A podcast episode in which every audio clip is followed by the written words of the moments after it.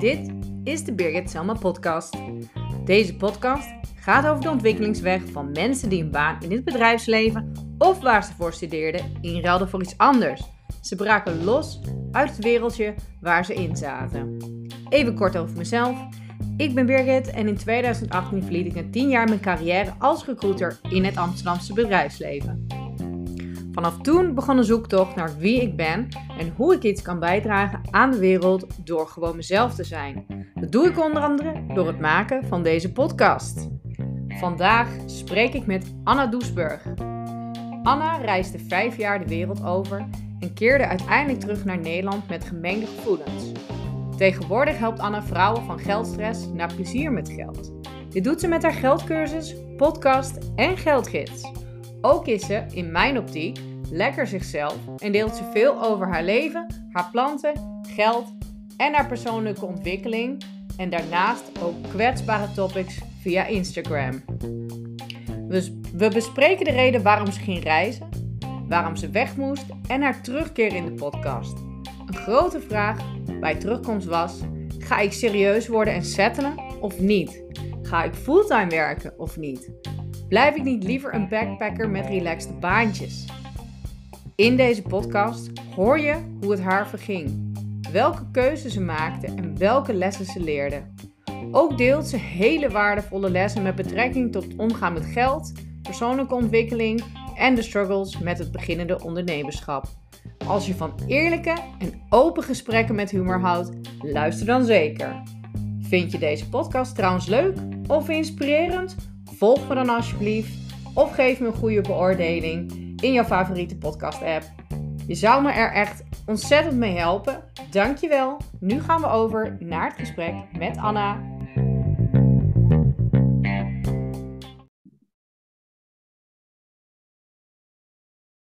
Hallo Anna. Hey, hallo. Welkom in de podcast. Hey. Superleuk dat je er bent. Ik heb uh, Anna uitgenodigd omdat uh, wij elkaar kenden van het begin van onze uh, ondernemerschapsreis. Toen woonde ik nog in Amsterdam. Toen was er geen zak te doen, om het zo maar te zeggen. Dus toen gingen wij in een op een hele koude dag, zo'n bijna 2,5 jaar geleden geloof ik. Of wat is het? Heel koud toen, ja, ja zoiets. Gingen we wandelen in het ja. Vondelpark. ja, rondje en, wandelen. Alles was dicht, ja. behalve de takeaway. Ja, en dat takeaway. En toen hebben we dat later met lekker weer hebben we dat ook nog gedaan. En toen ben ik hem gesmeerd uit Amsterdam. Maar we hebben nog steeds contact via Instagram.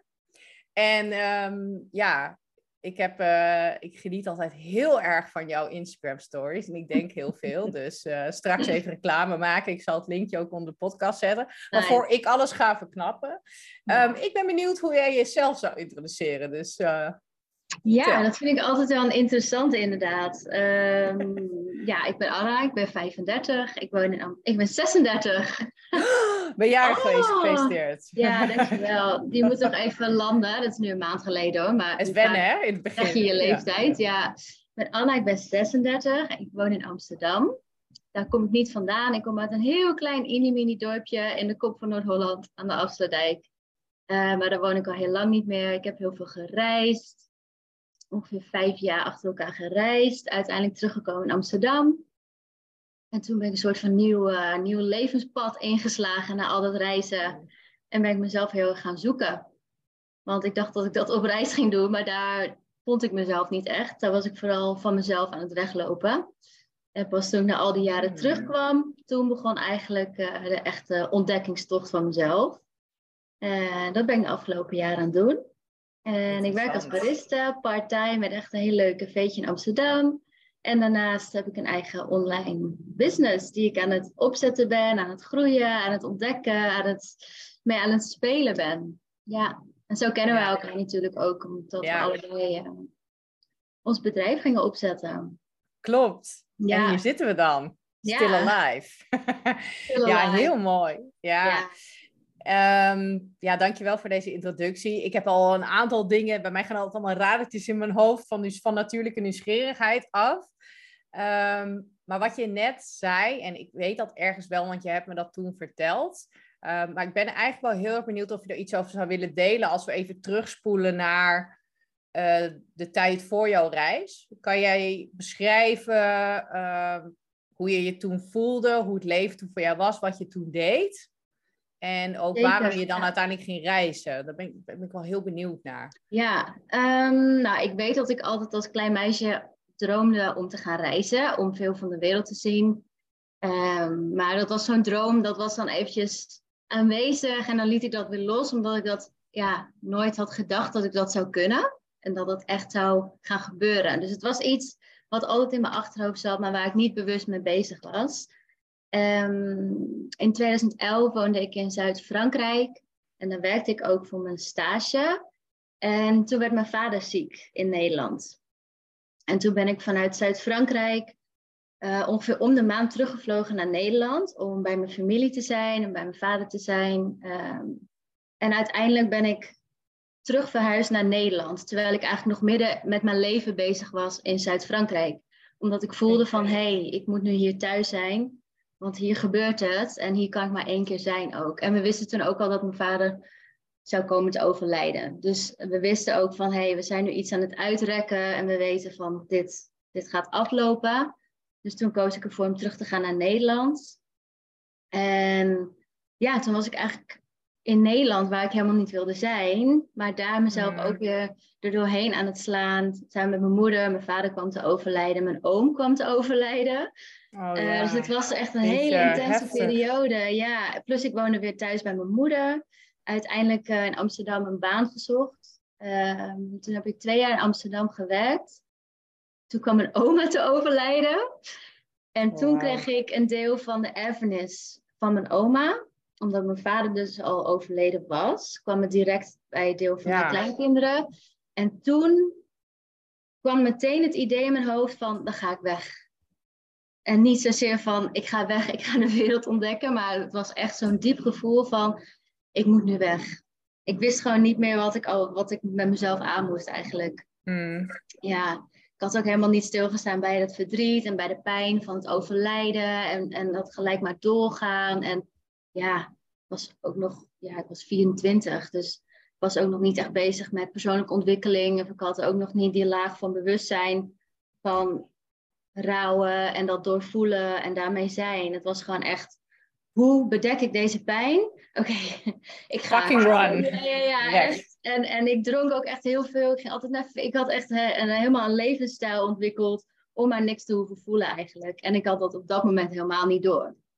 Want ik was gewoon aan het leven, zeg maar. Ik zag dat niet. Dus, ja. Uh, ja, dus ik ben eigenlijk vijf jaar toen uh, weggegaan. Ik dacht, ik doe het meteen goed.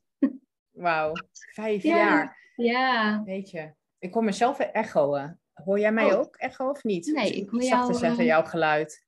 Ja, ga ik even doen. Het staat inderdaad heel hard. Ja, dat is Beter zo? Ik hoor nog een klein beetje, maar ik heb een koptelefoon op en een microfoon aan, dus bij mij kan het niet zijn. Ik, zet hem nog ietsjes, uh, ik heb hem nog iets zachter gezet nu. Ik denk dat het beter is. Ja, Top. ik hoor mezelf niet meer. Top. Okay, ik knip het er niet uit. Ik laat het gewoon zitten. Alles ja. is real. Ik doe nooit cuts. Het is het echte leven. Geen escape. Dus eigenlijk was je een soort van op de vlucht, maar je wist niet dat je op de vlucht was. Ja, Zoals klopt. de meeste mensen. Hè? Als je aan het vluchten ja. bent, weet je het niet. Klopt, ja, zeker. En uh, ik kon dat heel mooi verbloemen door te gaan reizen eigenlijk. Mm -hmm. En ik zorgde er eigenlijk ook altijd voor. Ik heb uh, een paar jaar in Australië gewoond. En, en ja, ik ben op sommige plekken ook wel een langere periode geweest. Ik ging niet echt elke week ergens anders heen, zeg maar. Op een gegeven moment dat ik in nee. Australië was, bleef ik wel meer op één plek. Alleen op het moment dat, het dan, um, dat er dan iets gebeurde of ik moest een diepere connectie maken met iemand of niet moest, maar zeg maar, ik, ik was meer aan het verbinden, zeg maar, met, me, met ja. mezelf, met anderen en omgeving voelde ik dat ik heel onrustig werd. Door die diepe verbinding. En voelde ik dat mm -hmm. ik daar eigenlijk ook weer van weg wilde gaan. En dus was ik ook om de drie, vier maanden eigenlijk weer on the go. Iedere keer zorgde ik ervoor dat ik niet een laagje dieper hoefde te voelen. En dan ging ik weer ergens anders heen. Want dan ja, resette ik eigenlijk gewoon weer de boel. Ja. En dan moest ik weer opnieuw mensen leren kennen. En opnieuw, weet je wel, dan ga je weer naar buiten, naar buiten, naar buiten. Uh, en dan hoef je niet meer naar binnen. Dus dan Ja. uiteindelijk ook dat weer na een paar maanden. Ja, dus zo ben ik eigenlijk een beetje eh, die tijd doorgekomen. Ik heb een fantastische tijd gehad hoor. Het was, niet, eh, het was geen ellende. Maar als ik daar terugkijk, denk ik, oh ja, dat, dat was ik aan het doen. Ja, het is- achteraf zie je het altijd veel duidelijker, hè? Ja, Hey, en, en zijn er wel momenten geweest op reis dat je toch een beetje akelig dicht bij je gevoel kwam? Dat je eigenlijk eh, al oncomfortabel was? Misschien te laat weggegaan of zo? ja. Als je daar nu op ik terugkijkt? ehm, heb dat in India wel meegemaakt. Dat ik echt half depressief in een hostel zat. Oeh, ja. Ja, Heftig om in een hostel te zijn dan ook, hè? Ja, ja, ja. En ik was toen ehm, aan de kust eigenlijk. Maar toen dacht ik, oh nee, ik ga even naar... Volgens mij was ik in Bangalore. Eh, even de, even de, het binnenland in. En ik weet niet, zeg maar die wisseling van heel rustig aan de kust en Bangalore, zeg maar. Dat sloeg echt in als een bliksem. Ik heb daar echt Ja. twee weken in een hostel zitten huilen. En ook toen met mijn zus gebeld van, oh, ik voel me echt zo kut. En ik, ik wist niet wat er aan de hand was. En in mijn hoofd dacht ik ook van, ja, je bent toch aan het reizen? Wat zit je hier nou zielig te doen? Ja, ik kon ja. het ook helemaal niet toelaten. Nee, snap ik. En, en Ja. op dat moment snap je ook niet. Omgeving is echt. kan heel triggerend zijn. Hè? Ik werk dan nu met Human Design bijvoorbeeld. En ik had van de week even een postje van. Oh, wil je weten wat jouw ideale omgeving is? Mijn is artificial shores. Dus een kustlijn, maar dan wel met iets stads. Of een weiland en het bos. Iets, iets wat Ja, man-made is met natuur aan de grens. Daar voel ik me goed. En als ik terugkijk op mijn leven achteraf, denk ik, wow, ja. Voor mij is dat niet een vet grote stad. Ja, Ik vind dat wel leuk, maar dan moet er wel een kustlijn zijn. Dus Amsterdam was voor mij eigenlijk niet goed. En ik voelde me ook niet zo goed in Amsterdam. Maar dat was Ja. ik ook nog niet helemaal van bewust. Maar uiteindelijk ben ik weggegaan. dat is heel mooi dat je keer. dat zegt. Ja, want ik heb precies hetzelfde. Ik heb dat nog niet zo eerder gedaan, getest, zeg maar. Maar als ik terugkijk, ik zat altijd aan de kust. In Frankrijk, in Australië, in India, in Nieuw-Zeeland. Ik zal eens voor je kijken straks. Ja, en nu jij dit zegt, denk Ik ja, als ik daarop terugkijk. Ik ben ook aan de kust geboren, aan de Noordzee en aan, aan eh, het IJsselmeer, Amstelmeer.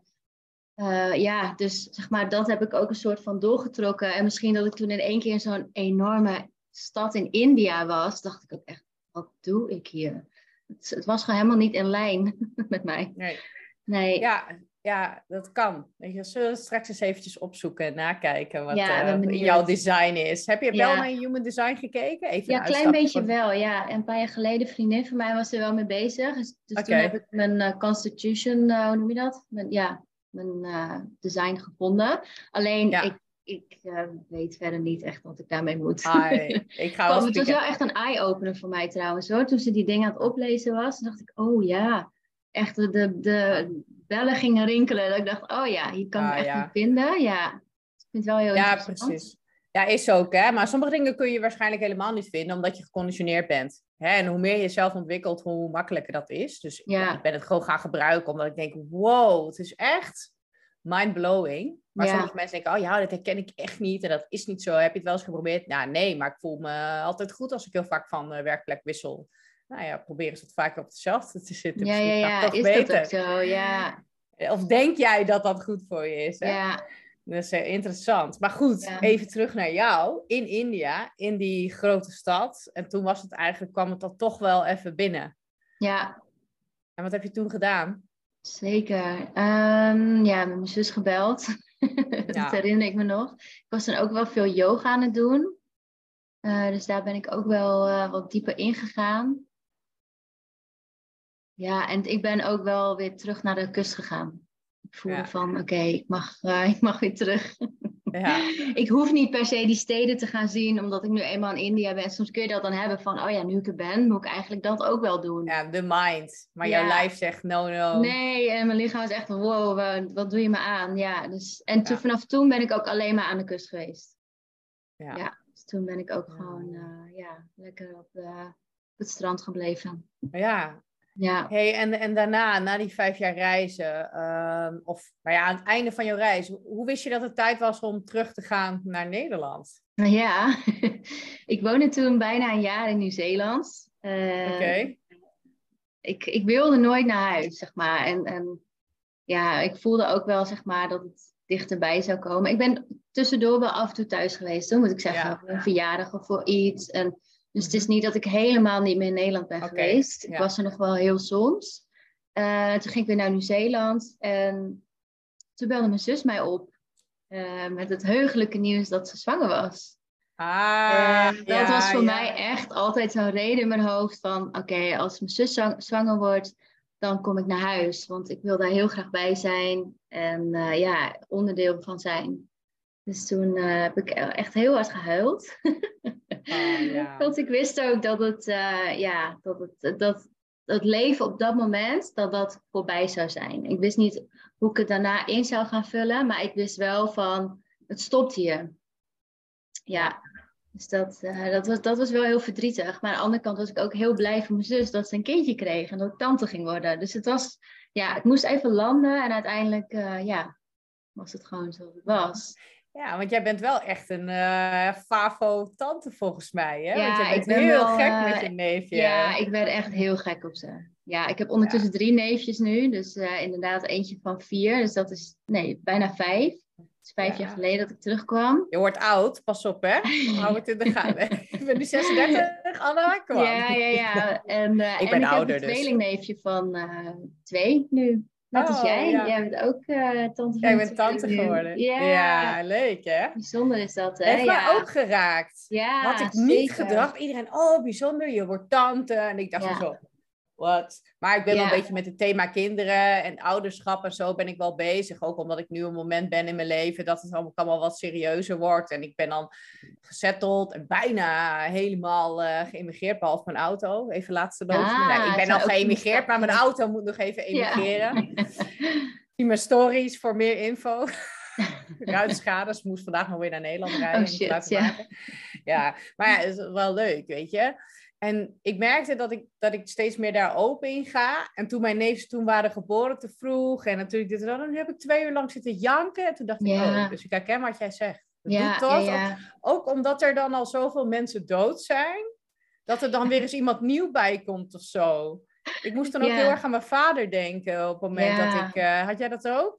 Ja, dat komt dan ook natuurlijk weer naar boven, weet je wel. Nieuw leven in de familie. En dan denk je, oh ja, die, die, die is er niet bij. Die zal nooit jouw vader hebben gekend. En dat, uh, ja. dat, dat, komt ook weer iets anders naar boven. Ook weer een nieuw stuk waar je nog nooit eerder aan hebt gedacht. En dan denk je, oh ja, ja. bijzonder is dat. Ja, ja Die, uh, precies. Toch heb ik altijd wel het gevoel dat hij het wel weet. Ja, dat heb ik ook hoor. Alleen andersom is dat anders of zo, ja. weet je wel. En ik vraag dus me altijd af, is dat iets wat we onszelf willen wijsmaken? zeg maar, van dat, uh, ik, ik weet het niet. Maar ik, heb wel ik steeds... zelf voel van niet. Nee. Steeds mijn vriend heeft ook wel eens over mijn vader gedroomd. Dat mijn vader ook in zijn dromen kwam. En mijn vader kwam ook wel eens in mijn dromen. Hmm. Wij onthouden dromen, dus dan kan je daar binnenkomen, hè? Ja. En soms is het echt een droom, droom, en soms niet, want het energie is dan anders. Of ja, zo. ja, ja. Oh, hou op over dromen. Ik ben echt, uh, dat, ja, mijn dromen is een heel... Is, ik weet niet wat er allemaal gebeurt s'nachts, maar het zijn zo'n hele therapie-sessies dat ik de volgende ochtend wakker word en ik denk, oh my god, wat was dit? Ja. Het is een fucking Luna Park. Word je wakker en ja, denk oh, alles is weer rustig. Ja, ja, ja precies. Dat je denkt, oké. Okay. Alles relaxed. In het echt is het veel relaxter. Ja, ja, ja, precies. Ja, die droom helemaal hysterisch, ja. Ja, ja, ik heb het mijn hele leven al. Dus, maar goed, ja, toen uit Nieuw-Zeeland terug, tante geworden. En, en hoe was het voor jou om, om dan weer in Nederland te gaan settelen? Hoe was die overgang? Ik had heel veel weerstand in het begin. Oké. Ja, dat weet ik nog heel goed. Dat ik heel erg twijfelde ook. Mijn neefje was geboren en ja, ik zat natuurlijk ik had geld nodig, dus ik zat ook al te zoeken van hoe wil ik dat vormgeven? Wil ik parttime mhm. baan? Uh, als in lage commitment, geen verantwoordelijkheid, easy peasy, maar minder geld. Dat is eigenlijk wat ik de hele periode tijdens mijn reis heb gedaan. Of is het nu tijd voor een andere baan? Dat ik fulltime ga werken en dat ik meer ga verdienen en beter rond kan komen en eigenlijk beter voor mezelf kan gaan zorgen. En dat op zich was al een hele strijd eigenlijk, want ik wilde eigenlijk gewoon nog steeds Anna die backpacker blijven. Echt in mijn ja, hoofd was ik nog steeds die persoon van ja, fuck it. Ik ben nog steeds, ik wil nog steeds aan mijn backpack leven. En ik wil niet hier settelen, weet je. En ik had een onderhuur en ik had daar een onderhuur. En ik was nog steeds half aan het fladderen. En aan het I don't want to grow up. Ja, basically. absoluut. Ik had heel erg die weerstand van ook van die baan. En eh, ik had Ja. op een gegeven moment wel best wel wat sollicitaties lopen. En dat ging eigenlijk wel heel goed. En ik, had, ik kon eigenlijk zelf kiezen op een gegeven Mhm. moment van waar ik, Oh. eh, wat ik wilde. En toen heb ik wel heel bewust de fulltime job gekozen. Oh ja? Wat Ja, heb je gedaan? Want dat weet ik eh, helemaal niet. Ja, dat was bij Stag. Toen eh, ben ik manager Oh, bij geworden Stag? bij Stag. Ja, in een Ah. van de eh, winkels. Ja, Welke dan? op de Zuidas. Ah, de Zuid, die, die kwam ik niet. Ja, Ik kwam vaak, Dus was- nee, ik kwam niet zo vaak bij Stag sowieso. Alle genen waren nog niet zo top bij nee. Dat, dat Stag, was maar wel een leuke winkel. Ja, het was heel leuk. Ja, ik heb een hele leuke tijd gehad daar. En ook, eh, ook op de Zuidas. Ja, ik was er nog nooit in mijn leven geweest. Ik, had geen, ik, had, ik moest ook zo Zo'n andere energie. Het was echt zo'n cosmic joke. Omdat ik echt nog bijna op mijn blote voeten bij, op de Zuidas kwam, weet je wel. Omdat ik nog En welk jaar was in dit? eh, 2018. Ja, het waren we heel, heel dicht bij elkaar. Dat is mijn eh, Laatste jaar ook. dat ik in mijn Hugo Boss pak met pumpjes eh, regelmatig even bij de ABN AMRO langs ging als eh Ja, dat is er vlakbij. eh, ja. Ja, ja, weet ik. Dan zijn we ik- elkaar ouder geweest. Ja, zeker wel. Ja. Want wij zaten bij Amstel, dus dan nam ik de metro naar, Oh. eh, naar Zuid en ging Naar naar ABN AMRO. Dat was een hele grote klant van mij toen. Die, had, die Ja. account had ik toen ook, had ik ook geopend in eh 2015 of 2014. Dus eh, Ja, ja, lachen, ja. Toen ging ik bijna weg. Ja, ik Ja, ging dus jij zat daar? Uh, ja, ik zat. Serieus? Ja, maar wel gewoon uit? serieus, maar ook weer niet. Of ja, moet ik dat zeggen? Ik kon er heel erg mijn eigen ding van maken. Want ik had Ja, heel veel lekker. vrijheid. Dus dat vond ik heel fijn. En ik kon goed koffie maken.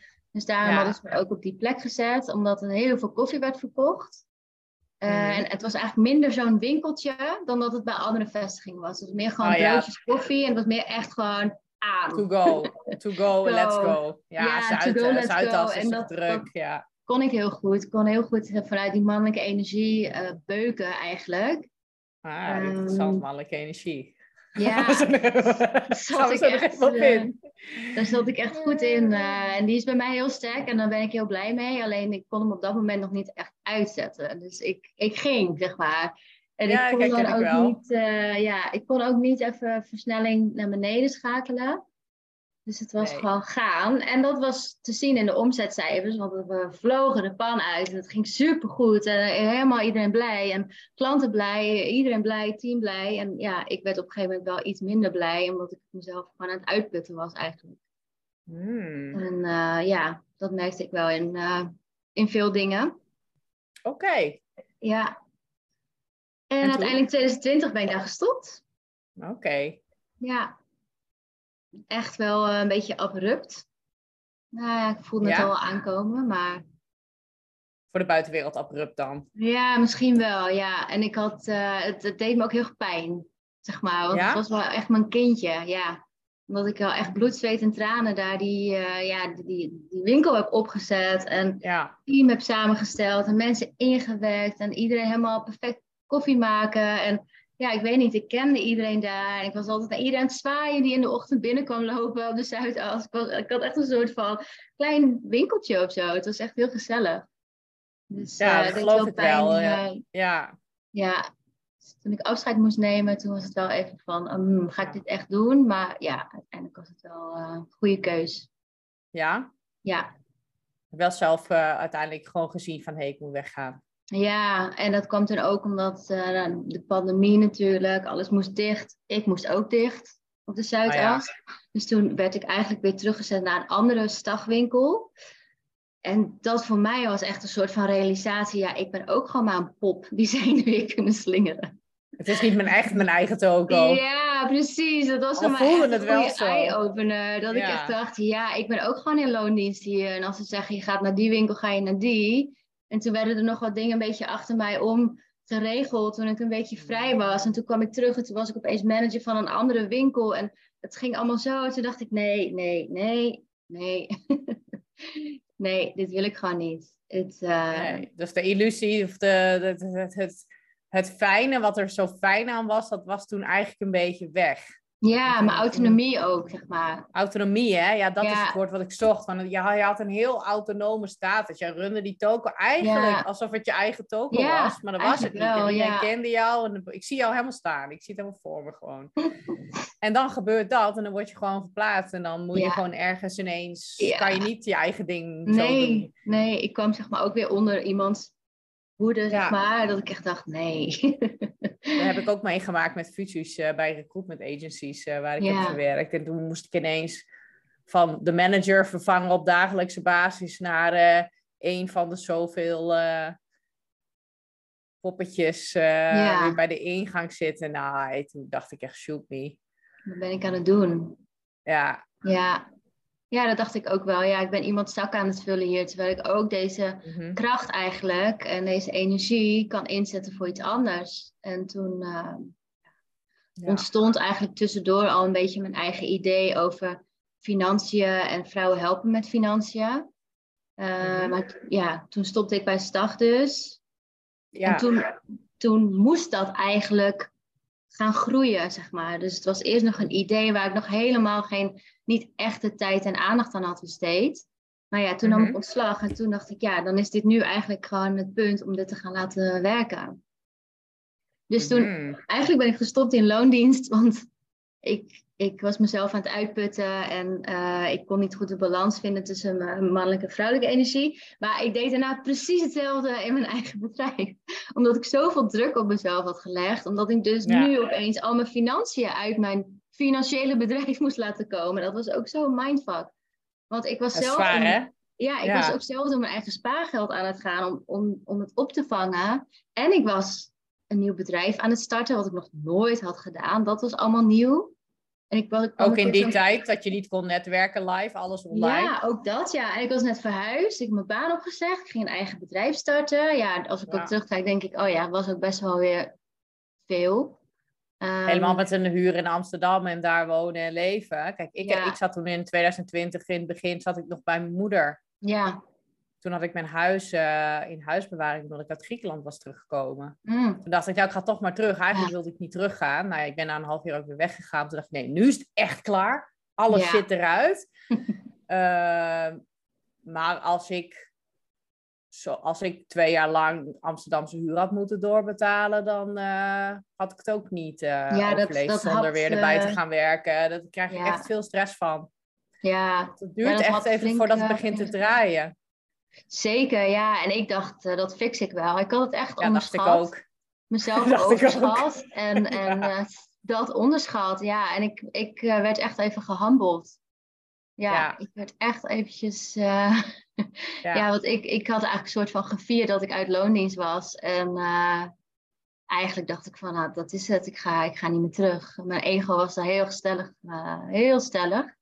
En uiteindelijk, ja, ik was mijn bedrijf aan het, aan het opzetten en aan het laten groeien. En achteraf gezien ging dat eigenlijk ook heel goed. Alleen, Mhm. het moest sneller, zeg maar, in mijn beleving. Want ja, ik, ik trok het gewoon niet. Zeg maar, ik had geld nodig, maar ik, ik, ja, ik was gewoon overal tegenaan aan het, tegen de stroom in aan het knallen eigenlijk. En het ging voor geen meter. En uiteindelijk was gewoon een keuze van ja, of je gaat nu eh, je huis uit, of je gaat een baan zoeken. Want dit wordt hem niet.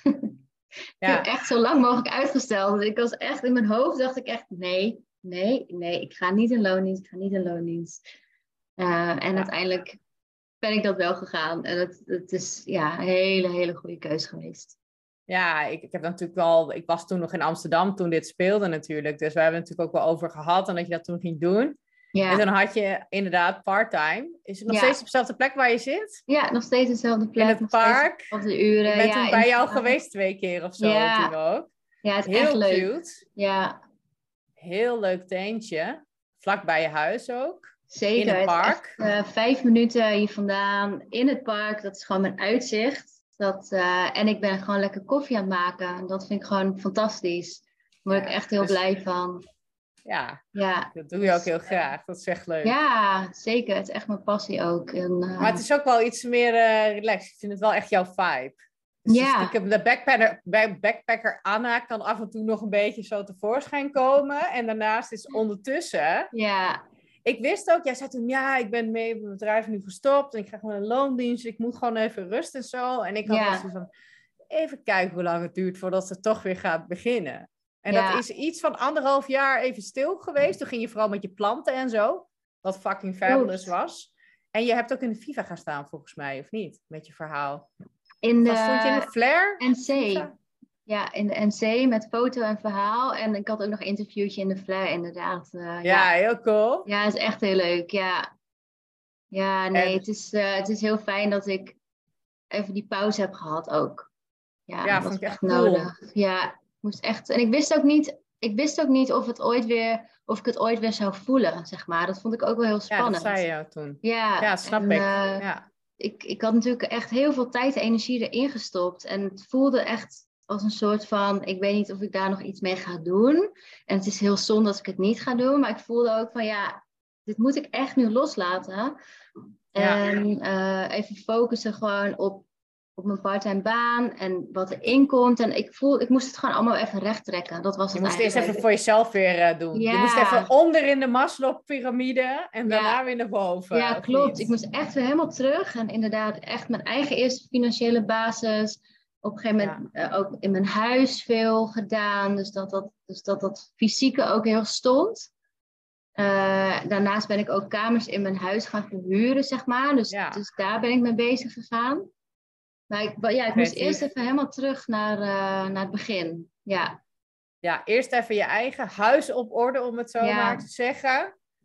En toen ja. zag ik ineens op een dag, because I am watching you, het begint toch wel te kriebelen nu ik mijn Ja. eigen geldcursus weer zie. Voor degenen die het niet weten, ondertussen duizend volgers erbij of zo. Ooit heb ik deze cursus gemaakt. En dacht ik, hé, hey, die ken ik nog. Dat wij samen zaten te klooien en tinken in, in dat ene systeem. Dat het bij mij niet Ja. lukte en zo, weet je nog. ja, ja, ja. In die En omgeving je had best een goede cursus gemaakt, Ja, eigenlijk. Ja, zeker. Ja, ja, ja. En ik, achteraf denk ik ook van, het heeft nooit gelegen aan wat ik aan het doen was, zeg maar. Mhm. twijfelde ik op dat moment toen heel erg aan natuurlijk. Maar het was meer gewoon, het was niet de goede tijd voor mij. Het was niet de juiste timing om dat allemaal te starten. Dus wat ik aan het doen was, was allemaal goed, zeg maar. Ik, ik had het in mijn hoofd dat ik het allemaal goed zitten. Alleen energetisch en financieel en zo was ik daar nog, en mentaal, ik was daar nog helemaal niet klaar voor.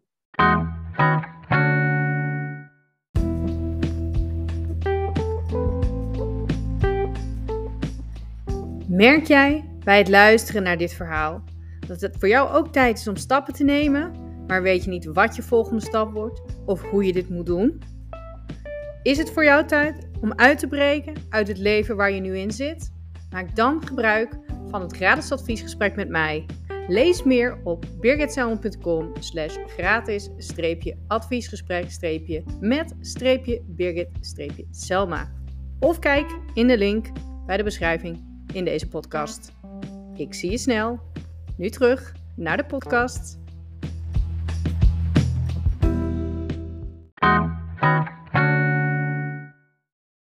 Je had eventjes eh, jouw huis op orde. Je Ja, bent ook heel erg met jezelf ook aan de slag gegaan. ja je ook huis dat, bezig eh, geweest, ja, je hebt dingen geklust. heel en je hebt gewoon de- een heleboel planten ook therapie gegeven. ja. En zij mij ook. En zij jou ook. ja. Want dat is toch wel een ding, hè, met planten. Want jij hebt zo'n heel mooi plankje achter je met plantjes. En eh, Ja. niet altijd van je plantenstory. Ik hou, ja, Ja. ik hou echt van planten. En eh, ja, Ja. ik, ik lach me echt kapot. Gewoon om, om wat jij ook over... Je hebt best wel hele kwetsbare dingen om jezelf gedeeld. En ik ben er ook mee bezig om gewoon meer dingen te delen. En ook die humor erin. Want vroeger was ik toch iets te gepolished en zo. En ik merk nu ik dat loslaat. Soms inspireer me ook. Dan denk je, Anna is gewoon zo lekker zichzelf. ja, dat, dat probeer ik wel altijd te doen. Ja, dat klopt. Ik, Ja. om- in, mijn, in mijn hoofd, zeg maar, deel ik gewoon alles. Want ik, ja, ik weet toch niet waar het terecht komt, zeg maar. Niemand, ik zie echt niemand echt face-to-face of zo. Dus het voelt misschien ook iets anoniemer. Dus dan, ja, ik, ik kan dan wel heel open en eerlijk Ah, ja. zijn. Ja, Ja, heel mooi. Ja, nee, ik ben me dus altijd heel erg bewust dat mensen dat dan kijken. Dat vind ik helemaal niet erg. Maar ik, ik merkte dat ik toch een bepaalde conditionering, of ik heb ook te lang in de zakelijke wereld gezeten, dat je toch eerst altijd een beetje een mask on hebt. Want ik werkte Ja. natuurlijk echt in een killer saleswereld. Ja, ja, En wat ik al zei op mijn, eh, op mijn, eh, op mijn eh, pumps Zuidas. En bij ons was het ook echt Ja, ja, ja. dress to impress. Hè? Als ik op bezoek ging bij een bank in Nederland, was ik degene die overdressed aankwam. Want dat was de strategie van een anglo-saxisch bedrijf. En het was ergens was het ook lekker, want je wist gewoon als je binnenkwam. Helemaal in Nederland. Kijk, in Engeland zijn mensen veel meer dressed up. En ik ben natuurlijk in Engeland begonnen bij die organisatie. Maar het was wel op een bepaalde manier was het wel goed. Want er zaten ook wel groot veel ego's in. Dus je kon wel bepaalde mate intimideren. Dus mensen dachten soms van, oh, wat een, wat een bitch. Dus je bent gewend om een beetje zo'n rol te spelen. Ja. Maar toen, toen besefte ik, hé, hey, dit ben ik ook weer aan het doen aan mijn bedrijf. Ik wil gewoon mezelf zijn, had ik vorig jaar. En toen ben ik gewoon veel meer naar binnen, een human design en iemand die om me te helpen om mezelf te zijn. Ja. En ik merk nu, nu groeit het, nu komt het, nu Ja. klopt het weer. Zo maar jij, jouw dingen dat, inspireerden mij altijd wel. Zo kwam ik ook Wauw. van, hé, hey, ik ga jou eens even vragen. Ja, ik, ik lach me echt de pleuris om jou. de plant in plastic en de belly dance. De belly dance, ja. Ja, vind ja. kun je daar nog wat over vertellen waarom je dat bent gaan doen? Ehm, dat is ook zoiets wat ik echt al jaren in mijn hoofd heb. En dan is het even weg en dan komt het weer terug. En dan denk ik, oh, dat lijkt me zo leuk om te doen. Eh, een paar maanden geleden dacht ik, ja, oké, nu is nu gaan we het doen. Dus toen ben ik het gaan opzoeken. En eh, gelijk ook abonnement bij de dansschool afgesloten voor een heel jaar. En, Kan niet ik meer ben- terug. No way Ja, out. dus no way out. Ja, dus ik ga elke maandagavond eh 2,5 uur belly dansen. Ja. 2,5 uur. 2,5 Wauw. uur, ja. Practice hoor, want het is wel echt, als je met zoiets nieuws begint. ik moet er altijd zo mezelf lachen ook. Want ja, ik kan best wel oké dansen als ik gewoon zelf op muziek aanzet en ik doe maar wat. Maar op het moment dat je dan dus pasjes moet gaan doen of een choreografie, dan is er gewoon een kortsluiting bij mij. En dan, dan zie ik mezelf in die spiegel en denk ik echt, wat doe ik? ik ja, alsof het echt gewoon niet mijn lijf is dan. En er worden allemaal van die ma- maniertjes dan. En spieren waarvan je niet eens weet dat je ze hebt, moet je ze gaan aanspannen. Ja, de eerste paar keren dacht ik echt, wat doe ik? Maar uiteindelijk zie je dan toch wel progress. En dan eh, ja, is het gewoon heel leuk als je dat ziet. Want dan geeft het weer motivatie om door te gaan. Ja, en wat bij mij heel erg boven kwam toen jij dat ging doen, dat ik dacht, ah, vrouwelijke energie aan het opzoeken. Ja, ja zeker. Dat sowieso Het is dan. heel eh, feminine. ja. Ik, heb, ik heb ook bellydance eh, een paar lessen gedaan ooit in een oude volkshotel kamp in Ah. Oost. Ja, Ja, ik vond het wel. Ja, leuk. ja ik, ik ben niet zo iemand die heel goed choreografie en regeltjes, maar kan op zich wel dansen. Ik heb de Tur Turkish roots, hè. ja, precies. Ja, dat zit gewoon bij jou al erin. Ik ben Het zit ergens eh, erin dat dat zo gaat bewegen. Ja. Ja. Maar ik, ja. Ja. ja, ik heb vroeger ook wel gedanst en zo. Maar ik, ik zag Ja. jou dat doen en ik denk, oh ja, wat leuk dat je dat Ja, doet. Heb je, de, heb je dat dingetje hier? Eh, ik heb hem beneden, maar ik kan wel even eh, erbij Ja, pak maar even. Ik heb mijne ook hier. Gaan we even, even om te lachen. Ja, pak hem maar.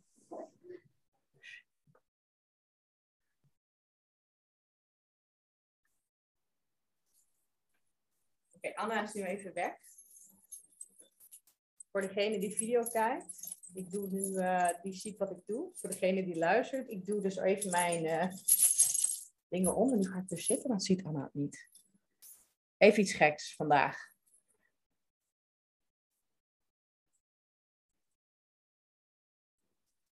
Nou, Daar komt ze. aanhouden, denk ik. Daar komt ze. Oh, oké. Ja, je hebt wel echt een hele mooie. Ja, heel mooi. Kijk, ik heb hem ook eh, aangedaan. Oh, nice. Ja. Zo leuk, hè? Vond ik echt het leukste onderdeel ook. Die belletjes. dit, Daarom heb ik er zelf ook één gekocht. Nice. Ja, is fantastisch, hè? Ja, nee, op. denk- ja. Even Ja. voor de feminine kant. Ja, ik zat ook altijd vroeger heel veel in mijn mannelijke energie. Dus ik dacht, eh, toen ik jou dat toen denk ik, oh ja, dat is wel een goede. Het is echt, Ja. eh, Om even die balans weer te vinden, inderdaad. En dan in die bewegingen. En ja, mhm. het is heel fijn. Ja, ja, leuk. Heel tof. Mhm. Maar echt een mooi verhaal. En ehm, ja, wat ik nog even leuk vind om nog even te horen. Hè, want jij zei al van ja, ik wil graag vrouwen helpen met hun financiën. Maar kan je daar nog iets meer over vertellen? Van welke vrouwen help je? Hoe doe je dat? Eh, dat soort dingen. Vertel. Ja, zeker. Wacht, ik doe heel even die belletjes wel. Hij is best wel zwaar ook. Oh ja, deze is heel licht, maar dit is Ja. zo'n eh, Xenos ding, weet je wel? Oh, Die ja, van ja. jou is, eh, is de real deal. Ja. Eh, ja, ik ben dus weer begonnen met het opstarten van een bedrijf waar we het net over hadden. Mhm. twee, of, ja, bijna twee jaar later. Ehm, en wat ik nu dus eigenlijk doe, is ik help vrouwen om hun financiële reis te starten. Ja, naar meer vrijheid, emotionele, mentale vrijheid, naar meer rust in hun hoofd, naar ontspannen met geld omgaan, naar plezier hebben met geld. En geld gewoon op een ja, fijne manier gaan behandelen eigenlijk. Een soort Mhm. bewustzijn creëren rondom, eh, rondom geld.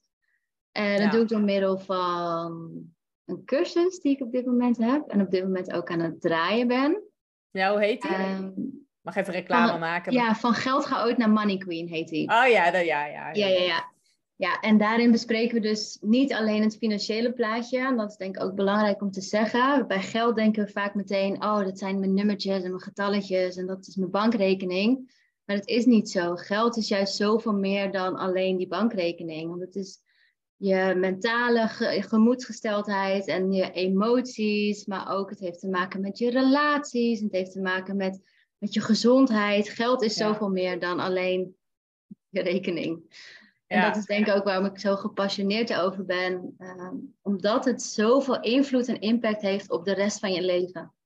Ja. Dus dat ene onderwerp, dat bepaalt alles. Dat bepaalt of je op vakantie kan, wat je aan kan trekken, wat je kan eten, eh, waar je kan wonen. Het heeft met alles te maken. Ja, dus als wij dat alleen maar blijven afstoten en, en dat negeren, ja dan, ja, dan laten we eigenlijk zo'n mooi gedeelte niet toe in ons leven. En als we leren geld te omarmen en om er op een andere manier naar te gaan kijken, verrijkt dat gewoon heel erg ons leven. Ik zeg Ja, altijd gewoon, gewoon lief hebben als, alsof het je vriend is. ja, ja, precies. En ja. bedanken. Ik ben nu ook weer in de oefening echt het bedanken van mijn geld. Elke keer Ja. ik dan, dankjewel geld. Dat. Klopt. Ja, ja, ja. Bij Net als mijn vriend, eh. Ja, net als mijn vriend bedanken als hij iets liefs voor me doet. Of een koffietje voor me maakt of eh, dingen. Als ik dat niet zou doen, nou dan houdt hij er ook wel mee op. Ja, precies. Ja, als jij die waardering niet, eh, niet laat blijken. Nee, Ja, ja. maar Ja, dat is zo al. leuk. ehm, het, het feit dat je een relatie hebt met geld, dat was voor mij denk ik een van de grootste eye-openers toen ik hier zelf mee begon. Ehm, dat ik dacht van, oh ja, huh? het is niet Ja, iets hoe ben jij- losstaands. Nee, want hoe ben jij hier ooit op gekomen dat je die roeping voelde om dit te gaan doen? Want dat heb je Ja. nog niet verteld. Dat klopt, Dus ja. dat is- en dat was ja. eigenlijk in de periode nadat ik terug ben gekomen van het reizen. Dus en het jaar van 2018 tot 2020 eigenlijk. Dus in die, in die twee jaar. Ja, ik heb gewoon altijd mijn kop in het zand gestoken wat betreft mijn geld. En ik Mhm. had ook een lening lopen en ik had creditcardschulden op een gegeven moment. En ik had Mm. nog, ik heb 15 jaar lang 1000 euro rood gestaan. Nou, Ik heb die ABN AMRO flink gesponsord. En daar, ik deed dat. Ik voelde gewoon altijd alsof dat mijn eigen geld was. Ik was helemaal niet mee bezig. Het kon me echt gestolen worden. En ik had wel heel het vertrouwen van het komt kon altijd er gestolen terug. worden. Ja, het werd dus ook. Ja, letterlijk. Ik liet het gewoon allemaal gaan. Ja. Ja. Ik dacht letterlijk van, maakt me allemaal niet uit. Het komt toch wel weer terug. En ik had wel echt dat vertrouwen in geld. Maar daardoor had ik totaal geen overzicht en inzicht. Ik had ook eigenlijk Mm. nooit geld. En op een gegeven moment frustreerde me dat zo. Het dieptepunt kwam dat ik op een gegeven moment mijn avondeten niet kon betalen in de winkel. ja. Stond ik letterlijk in de supermarkt met mijn avondeten. Mijn pinpas stond ik dus al 1000 euro rood. Mijn creditcard had ik bij me en die was geblokkeerd. En ik had natuurlijk zelf geen stuiver cash bij me. Dus ik moest gewoon letterlijk mijn eten achterlaten en naar huis. En op dat moment dacht ik echt, what the fuck are you doing? Dat is de echte walk of shame. Ja, dat was hem echt hoor. Ja. Oh, dat kan ik, die voel ik zo weer. Als ik daarover nadenk. Ja. Dat, en toen heb ik mezelf echt gezworen. Dit gaan we nooit meer doen. Dit gaat nu anders. Nu ga ik actie ondernemen. En eh, ik ga al mijn schulden afbetalen. En ik, ik wist toen nog helemaal niet hoe of wat. Maar ik voelde zo diep dat die, die, ja, die, dat kantelpunt van oké, that's it. Nu is het klaar met je gezeik en met je... Ge... Ontkenning ook gewoon, hè? Ja, met je geneuzel. En wat ben je nou aan het doen? Ik, ik voelde, ik voelde mezelf echt een, een mislukking op dat moment. En Mm. dat had ik ook echt even nodig. Om Ja. eh, mezelf wakker te schudden eigenlijk. Ja. Mm. Ja, Ja, toen ben ik zelf dus eigenlijk die, die, die reis begonnen, schulden afbetalen, veel boeken gaan lezen, veel op YouTube filmpjes gekeken. Ehm begon er echt lol in te krijgen ook. Ik vond het echt fantastisch om te doen. En ja, ik was gewoon flink aan het afbetalen ook. En ik had gewoon, eh, ik zat er echt lekker in. Ja. Uiteindelijk had ik het met vriendinnen erover. Die begonnen me ook vragen te stellen. En toen kwam ook het idee van, hmm, misschien kan ik hier wel eh, meer vrouwen mee helpen ook. Omdat het toch een Ja, onderwerp mooi. is wat voor iedereen belangrijk is. En zo is dat idee ontstaan. ja, heel mooi. Ja, Ja. eigenlijk een beetje uit de lucht vallen. En eh, ja. Dacht, oh Ja, ik merk dat het onderwerp veel doet. Ik heb een jaar geleden een podcast opgenomen met Patricia van Femtrade. ja, Dat is nog steeds de best beluisterde podcast. ja, En toen had ik de podcast nog helemaal niet zoals ik hem nu heb en zo. Maar dat, dat was ook voor vrouwen, heeft ze dat opgezet inderdaad. ja, En eh, die heeft ook een missie om vrouwen van ja, financieel onafhankelijk, maar op een andere manier dan jij. Maar wat, je, ja, wat jij doet is echt die relatie met geld, hè? ja. En er komt er iets bij mij binnen wat ik jou ooit heb zien delen. Ik denk een jaar geleden of twee jaar geleden, ik weet het niet meer. Dat je ook erachter kwam dat jouw slechte relatie geld ook iets te maken had met je vader. Klopt dat? Of heb ik Ja, dat verkeerd? klopt. eh? Ja, nee, dat heb je wel goed onthouden. Ja. Op een gegeven moment kreeg ik zeg maar die epiphany. Ehm, dat mijn relatie met geld eigenlijk hetzelfde is als mijn relatie met mannen.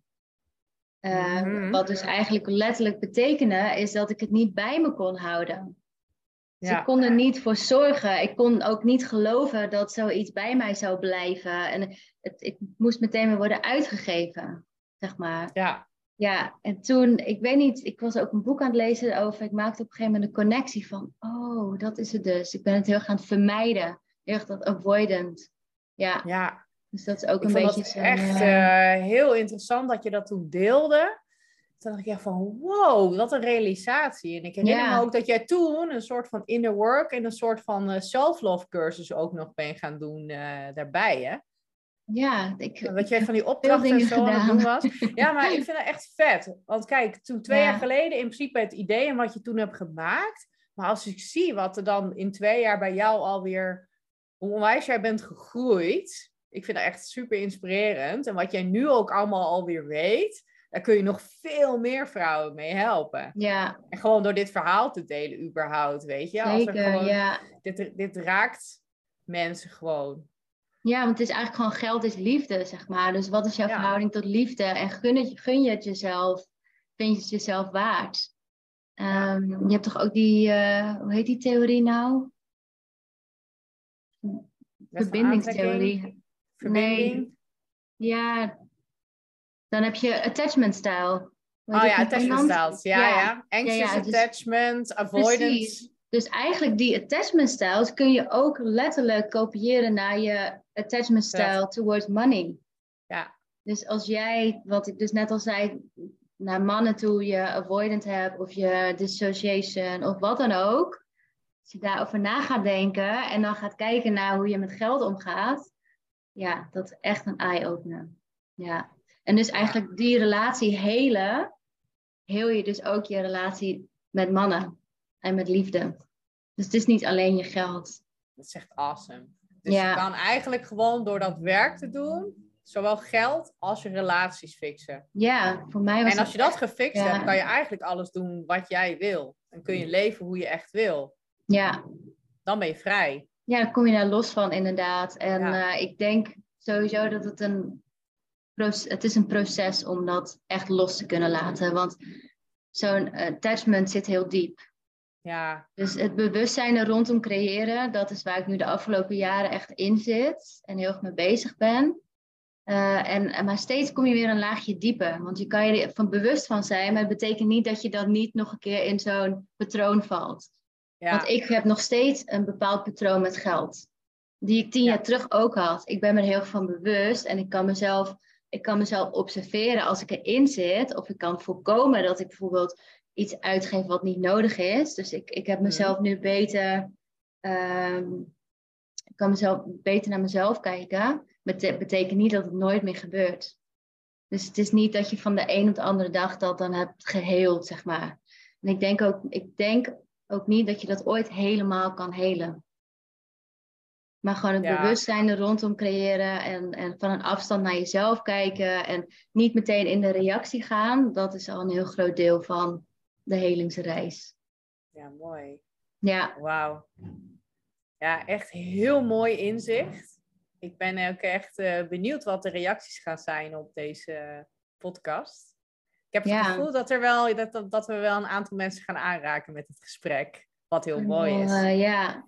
Ja, het is natuurlijk heel gevoelig, allebei. Ja, Liefde en geld en heel Ja. emotioneel en niet emotioneel als in eh, de tissues, maar gewoon het, het raakt ons heel, in ons diepste zijn raakt het ons. het, hangt ons, het raakt onze oerangst eigenlijk. Ja. Om verlaten te worden, om alleen te zijn, om onveilig te zijn. Want dat is natuurlijk wat met hechting.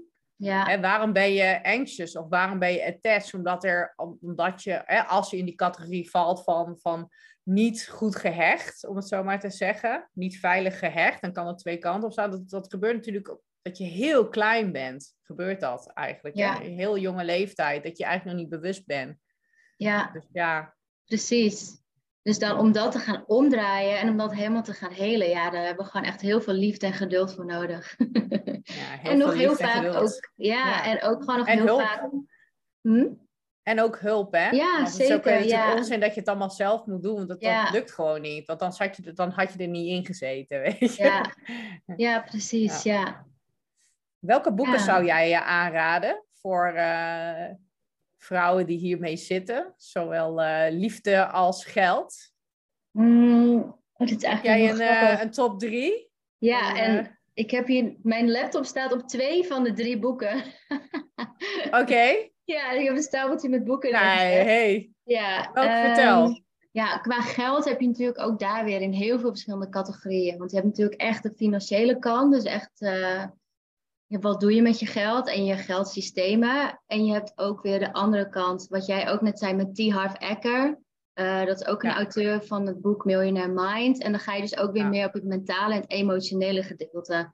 Dus ja, ik dat vind het echt een fantastisch boek. Ja. Ik ben daar dus mee bezig. ja, echt, En het- eh, Ik heb hem nog niet uit, maar ik doe die opdrachten dus echt. ja, En af en toe scheid je echt in je boek.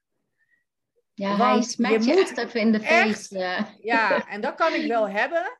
Maar echt, echt een eed afleggen of iets uitspreken of iets Ja. zegenen iedereen. Nou, ik heb niet echt... Hè, ik heb van, van nature geen afgunst tegen rijke mensen. I fucking love it, weet je. Als ik mooie auto's zie en zo. Dus dat zegenen, zo Huna en zo. Kijk, ik vind dat wel lachen. Maar sommige dingen vind ik ook wel heel spannend. Dat ik allemaal aparte potjes ga maken. En spending money. En dat- ik ook bepaalde dingen meer moet gaan uitgeven. Wat ik normaal niet doe. Dus burn, nu aan het hè? einde van het boek. Nu aan het einde van het boek met de opdrachten begin ik echt weer te zweten.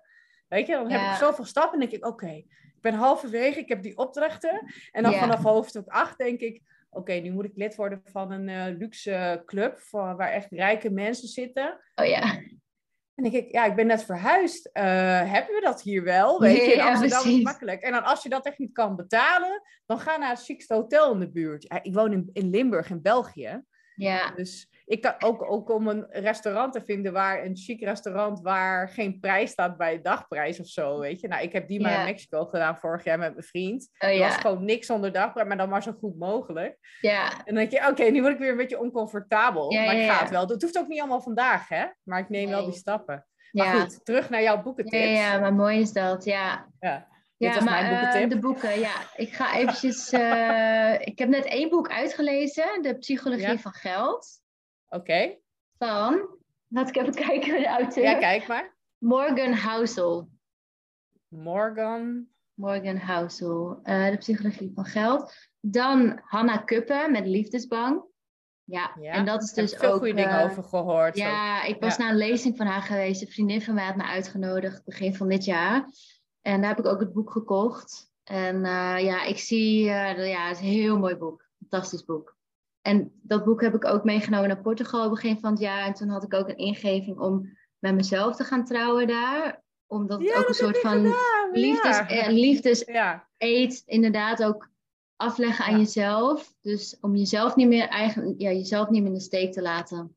Dat heb je ook gedaan, eh, inderdaad. ja, ook echt, Gefeliciteerd. eh, ja, dank je. Ja. Heb je de ring nog? Nee, Heb je de ring ik weet niet waar die ring is. Ik dacht, dit is een paar dagen geleden. Ik dacht, oh shit. Betrapt. werd betrapt. Ja, nou ja, ik, ik, ik heb hem denk ik misschien voor mijn werk afgedaan of zo. Omdat je dan toch de hele tijd met die filterdragers. En, Ja. Maar waar die ook is, nou ja, hij is in mijn huis hoor. Maar ik, eh, ik zal hem weer eens erbij pakken. Oké, goed. zo. Ja. Ja? Oh, grappig dit. en wat Ehm, nog meer? Nog Eh, meer? Nou, ik ga nu even een heel ander boek aanraden eigenlijk. Want dat we hadden natuurlijk al over mannelijke en vrouwelijke energie. Mhm. En daarin valt voor mij ook de categorie leven met de vrouwelijke energie. En dus ook je cyclus. En om in plaats van die tegen je te gebruiken, wat we eigenlijk altijd hebben gedaan. Van, oh, ik ben wel ongesteld. En daarover Gewoon doorrammen. over praten. Ja, precies. Ja. Om dat eigenlijk voor je te gaan gebruiken en daarmee te gaan werken. En het Ja. derde boek staat ook op dit stapeltje. En Yeah. dit boek heet In the Flow van Alyssa Viti. Alissa, hoe is je achternaam? Viti. Viti. Oké, mooi. Ja. Ja, dat is heel leuk, want ik, ik weet zeker, ook, ook eh, gewoon vrouwen die luisteren en mannen die luisteren. Ik raad jullie ook aan om dit gewoon te doen. Ik weet ook dat mannen luisteren en kijken, maar hè, ik focus Ja. natuurlijk op vrouwen en jij ook. Hè? En tuurlijk komt er wel eens bij mij echt wel ook wel mannen. Ehm, ik, ben toch al, ik heb al een beetje mannelijke energie, dus daar haak ik ze ook wel op aan. ja. Ehm, maar dat je er gewoon heel veel op al die drie gebieden heb je zoveel aan. Als je Ja. denkt van, hé, hey, misschien wil ik wel voor mezelf beginnen. Misschien wil ik wel op reis. Misschien wil ik wel loslaten. Wil ik ook wat anders gaan doen, zoals Anna en Birgit. ja, Het is geen roze geur en maneschijn. Je komt jezelf keihard tegen. Dus om dat te kunnen doen, hè, en, we, en, Ja. en dat, heb, dat jouw verhaal bewijst dat eigenlijk. Zelfwerk, aan jezelf werken, hoe beter jij met jezelf om kan gaan en, en, en, en weet what's up, hoe meer ja, bewust je jezelf wordt. kan begrijpen inderdaad. Ja, En ook Ja. jezelf kan liefhebben. Hoe ja, makkelijker de stap wordt om uit de gebaande paden zoals je het moet doen te stappen. Hè, hoe onzekerder, hoe instabieler, hoe banger je bent, hoe moeilijker het is om te doen, omdat je eigen baas is. ja, Gewoon, je komt jezelf gewoon keihard tegen als je bijvoorbeeld gewoon je kantoorbaan opzegt of iets anders gaat doen of naar het buitenland wil, weet ik het wat. Hè? Dat, is, dat zijn natuurlijk de mensen met wie ik werk. En heel veel denken ook aan het ondernemerschap. ja, Maar die zitten wel van, ja, wat zal ik nou doen? En, en eh, ook mannen hoor, maar vrouwen zijn er wat opener over. Maar je eigen flow, de ja, liefde. Hè? Ik heb ook eh, vaak, mijn, mijn eh, dames zijn zo'n beetje net voor de 30 net eroverheen. Eh, Ja. Ik had bijvoorbeeld ook, toen ik nog in Amsterdam woonde en in die wereld zat en zo. En ik was ergens daar gewoon niet op mijn plek. Ik kon ook gewoon nooit de liefde vinden. En toen ik dus ben weggegaan naar Griekenland en al die dingen en veel meer mezelf ben geworden en die tijd Ja. heb genomen. En toen dacht ik, ik ga ondernemen. Nou ja, toen kwam de Ja. juiste liefde, weet je. Ja. Dat, dat, en, en toen lukten die dingen wel. ja, en, mooi. en ja, psychologie van geld is super interessant. Ja, mijn eigen dan, de T. Harv Eker, vind ik ook gewoon echt heel Ja. goed. Zeker, ja. En ik, ik Zo. wil ook nog één ding zeggen wat eh, bij mij naar boven komt. Ja, graag. Ehm, want het is natuurlijk zelfontwikkeling waar we het over hebben. En ik denk dat dat wel heel belangrijk is om te weten ook dat je niet jezelf elke dag moet verbeteren. Nee, het gaat Dat- niet omdat je nu slecht bent, hè? Ja, en ik, ik ben zelf daar ook in gevallen hoor. Helemaal aan het begin dat ik hiermee begon. En eh, want dan heb je dat helemaal ontdekt. Dan denk je, oh, dit is het. En dit is het antwoord. En, en hier ga ik me op focussen. Maar uiteindelijk is het steeds weer een laagje meer naar binnen gaan en jezelf leren kennen. En dat leren accepteren. Ja. Want het gaat niet elke dag go, go, go en knal, Nee, knal, knal. nee. En juist die rust kunnen pakken ook om met jezelf Ja. te zijn en met jezelf te zitten en alleen te kunnen zijn en naar jezelf te luisteren. En ja, dat is toch wel echt waar, eh, waar ik het meest heb gevonden. Ja. Ja. En, en Dus bij mij komt ook een woord overgave in het proces. Want het Ja. gaat soms gewoon echt niet, vooral niet zo snel als jij wil dat het gaat. En dan voel je een enorme druk. Ja, Hè, vooral met ondernemerschap, als je wat anders doet. En dan is het, het lukt niet. Het Ja. gaat niet goed. Dus, tenminste, ik heb dat ook gehad. ja, want je hebt toch een Het is bepaald heel naar, want je doet dat jezelf aan, hè? Je praat Ja. jezelf aan dat, dat het dan niet goed is. Terwijl als ik nu alweer kijk, en ook naar jouw verhaal, denk ik, ja, blijkbaar was dat gewoon wat nodig is om nu Ja, veel meer mezelf te kunnen zijn. Maar Ja. zonder dat, dat dal kom je ook niet meer op de berg. Om ja, en niet dat ik nou elke denk, oh yes, ik ga morgen weer in een dal. Maar hè, weet je, maar het, Ja. het is gewoon... Ik zou er nu niet meer zo van balen als ik in een... En van in paniek raken als ik in Ja. een dal kom. Want dat is het, de, de paniek dat je in een dal zit en dat niet kunnen accepteren en daartegen vechten, is veel erger dan gewoon even in het dal zitten en een dag janken, weet je. ja, hoort er ook allemaal bij. Twee dagen. Even niet weten. Ja. Ja, maar ja, sta- waren ook nu allebei omringd door eh, heel veel andere ondernemers. Hè? Wij zaten ook echt in zo'n ondernemersbubbel. En ook de mensen die je op Instagram volgen, dan heb je toch een bepaald beeld bij van hoe snel sommige mensen gaan. En, en, en ik, ik had, ben ook in die val, valkuil weer gestapt. Ook al ken ik mezelf heel goed en kan ik heel goed naar mezelf luisteren. Toch raak je daar dan in. Ja. En dan eh, kun je niet zien voor wat je eigenlijk echt aan het doen bent. Ja, en dan Klopt. pas weer achteraf denk je van wow, het ging eigenlijk supergoed. Ik was eigenlijk Ja. op de goede weg. Alleen, ja, ik was ook een Te soort veel van... afleiding. Ja, en ik was ook andere, eh, andere mensen was ik aan het copy-pasten eigenlijk. Dus hoe zet je een bedrijf op? En eh, omdat in mijn hoofd moest het dus allemaal heel snel. En daardoor kon ik niet naar mezelf luisteren wat ik eigenlijk wilde. En dat wist ik ook helemaal niet, omdat ik nog nooit een bedrijf had opgezet. En dus om die vraag te beantwoorden, keek ik naar anderen. En dacht ik, oh ja, hoe zij het doet, dat werkt. Oké, dus dat betekent dat ik eigenlijk een soort van één op één dat eh, die strategie ga overnemen. En alleen dan met mijn inhoud, zeg maar. Eh, maar dat, dat, dat werkte helemaal niet. Er kwam zoveel frictie. Want ik was allemaal dingen aan het doen. En, en ja, maar Ja. mezelf aan het forceren. Dat ik dacht, nee, dit werkt allemaal niet. Nee, en dat, Ja, ik dit echt zo wat je zegt. ja, ik heb en het dan, ook dat voelen gehad. andere mensen ook weer, hè? Want dat is Ja, dan komt zo. er dus niemand. Dan denk ik, huh? in het begin had ik geen kloten staan en toen kwamen de mensen. En daarna dacht ik, oh, nu ben ik het echt goed aan het opzetten en ik maak een dingen. En Ja. toen niet. Nee, precies. Omdat, dat het dan gewoon, zo. omdat je dan eigenlijk gewoon in de not zelf gaat. En heel erg Ja. vanuit de mind, begrijp ik nu. Ik ben heel dankbaar voor Human Design, wat me dat weer heeft laten zien. Ja, En eh, David Pieters, mijn mentor, eh, die me heel goed heeft geholpen daarmee. ja, nou ja, ik volgde hem al heel lang, maar ik had even iemand nodig die mij, eh, naar mijn, mij kon helpen mijn kern weer te vinden. Want je kan jezelf ook best wel even kwijtraken. En zeker Ja. in de tijd dat, ja, dat we alleen maar achter ons computer... Kijk, ik wil wel een online bedrijf hebben, maar ik ben geen persoon om de hele dag binnen in mijn eentje te zitten. Nee. Ik heb echt wel contact nodig live. Zeker, En, ja. eh, gelukkig heb ik tussendoor gewoon als duikinstructeur nog wat eh, dingen kunnen doen. En ik ben nog steeds freelance duikinstructeur hier, maar privélessen en zo. Dus nu is het best wel goed hè, voor extra omzet erbij. ja. Dus, Ja, maar dat is eh, gewoon fijn ook, inderdaad. En ik ben ook tot die conclusie Ja. gekomen. Ik ben heel blij met mijn parttime barista-baan. Ja. En ja, ik zie mezelf ook dat niet 1, 2, 3 stoppen. Dat En, hoeft ook helemaal eh, niet. Nee. Dat dus is gewoon maar je dit- eigen Ja, aanname. precies. Dat heb, je, dat heb ik dus zelf bedacht van, oh, dus helemaal uit loondienst, dan heb je het gemaakt. Dat is ook Ja. zo'n overtuiging die ik mezelf heb aangepraat. Hm. Maar dat is, helemaal niet, dat is helemaal niet voor mij. Want ik heb inderdaad ook mensen nodig en sociale contacten en iets fysieks maken met mijn handen. Want ik vind online ondernemen heel leuk, ook omdat je creatief kan zijn en je eigen ideeën kan Mhm. uitvoeren. Maar echt dat, dat fysieke, dat vind ik juist heel erg ehm, bij deze baan. Dus dat is gewoon Ja. heel fijn dat je daar dan eh, ja, de best of both worlds ervan kan. Ja, eh, En dat herken ik. ik. Ik doe mijn duikinstructeur nu hier in België. Doe ik dit wel echt als, als ZZP'er. Dus ik ben voltijd ondernemer. Fulltime eh, zelfstandige noemen ze dat hier. Ehm, en maar daarvoor ben ik tussendoor nog een paar keer naar Griekenland gegaan en Ja. dat gedaan, weet je.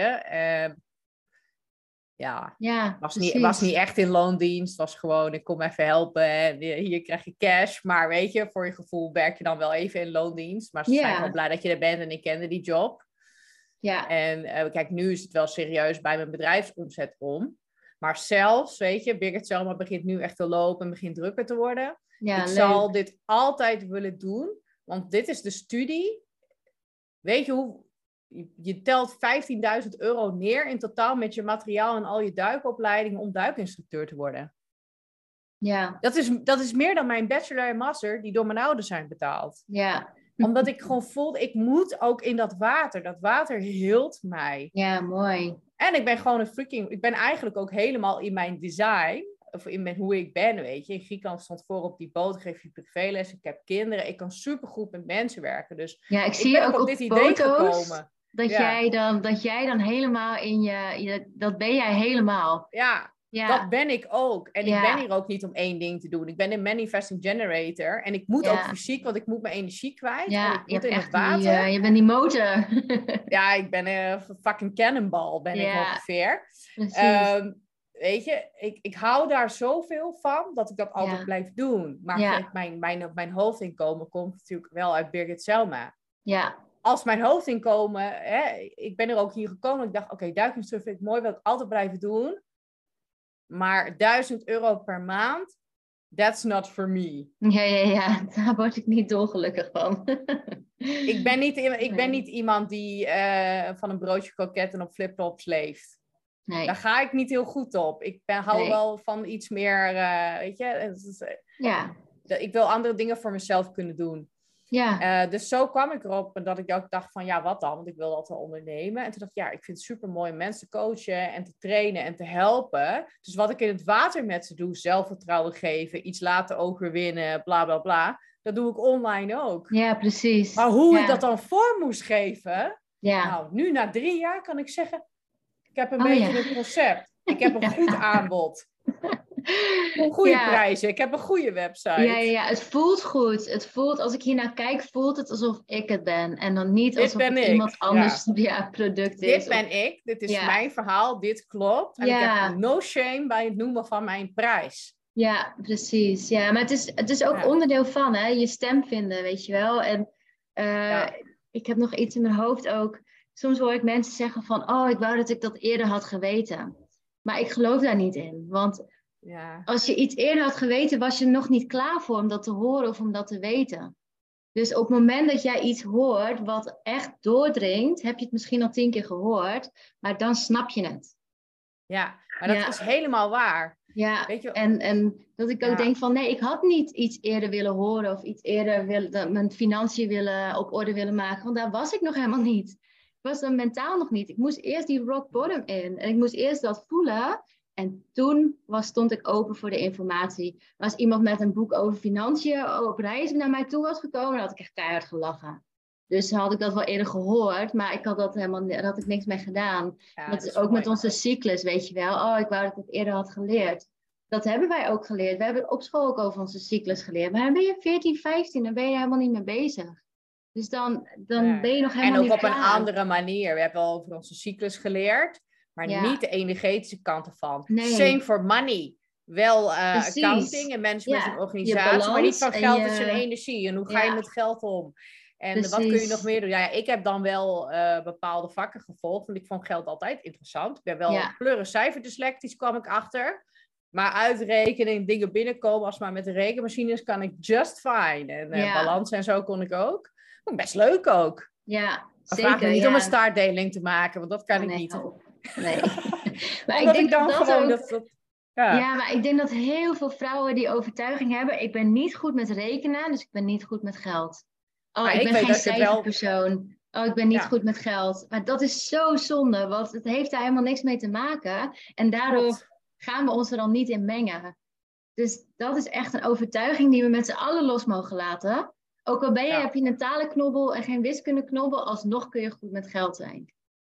Ja, Laat- want daar, laat het, gaat helemaal niet, het los. gaat helemaal niet om rekenen. Als je iets wil Nee. uitrekenen, pak je gewoon een freaking rekenmachine. Ja, Dan kan iedereen ja. rekenen. Ja, Of je laat iemand anders voor je uitrekenen. Maar dat betekent wel dat je nog steeds kan kijken, ja het aankijken.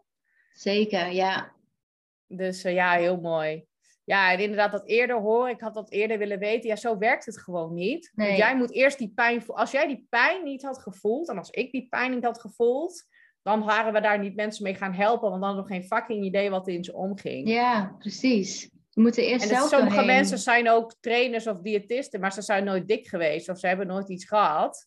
Ja. En dan hebben ze wel de methodiek geleerd en zo. Ja. En daar kan je iemand best mee helpen. Ja. Maar ik heb een eetverslaving gehad vroeger. Ik ben echt heel dik geweest en weet ik het wat.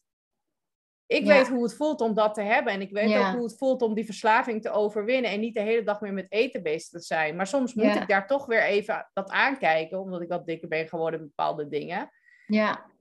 Maar als ik ervan wegkijk, als ik niet oplet wat ik eet, als ik ervan wegkijk, dan word ik dik. Dan kun je zeggen, ja, maar dat is toch niet relaxed, want dan moet je er altijd op letten. Ik let er liever op en ik ben gezond en slank, dan dat ik wegkijk en dik word. Ja. Ja, precies. Want het gaat nooit helemaal vanzelf. Want daarvoor ben ik veel te naar de kloten geweest. Ja. Maar je? is ook Dat- weer zo'n patroon, weet je wel. En dan, ja, dat bewustzijn er rondom, dat heb jij nu gecreëerd. En daardoor Ja. staat het gewoon, weet je wel. En kun je goed Ja. voor jezelf zorgen. Maar dat betekent niet dat, het er, dat het er niet meer is. nee, maar ik heb dus echt die verslavingsdrang niet meer. Terwijl iedereen zegt, je blijft altijd verslaafd. En toen dacht ik, dat is gewoon niet waar. Hmm. Ik zat toen maar zo heel veel met zelfontwikkeling bezig. Toen ik tussen de twee Rodos-seizoenen, 2018 2019, nice year, ja, Michael good year. gevolgd.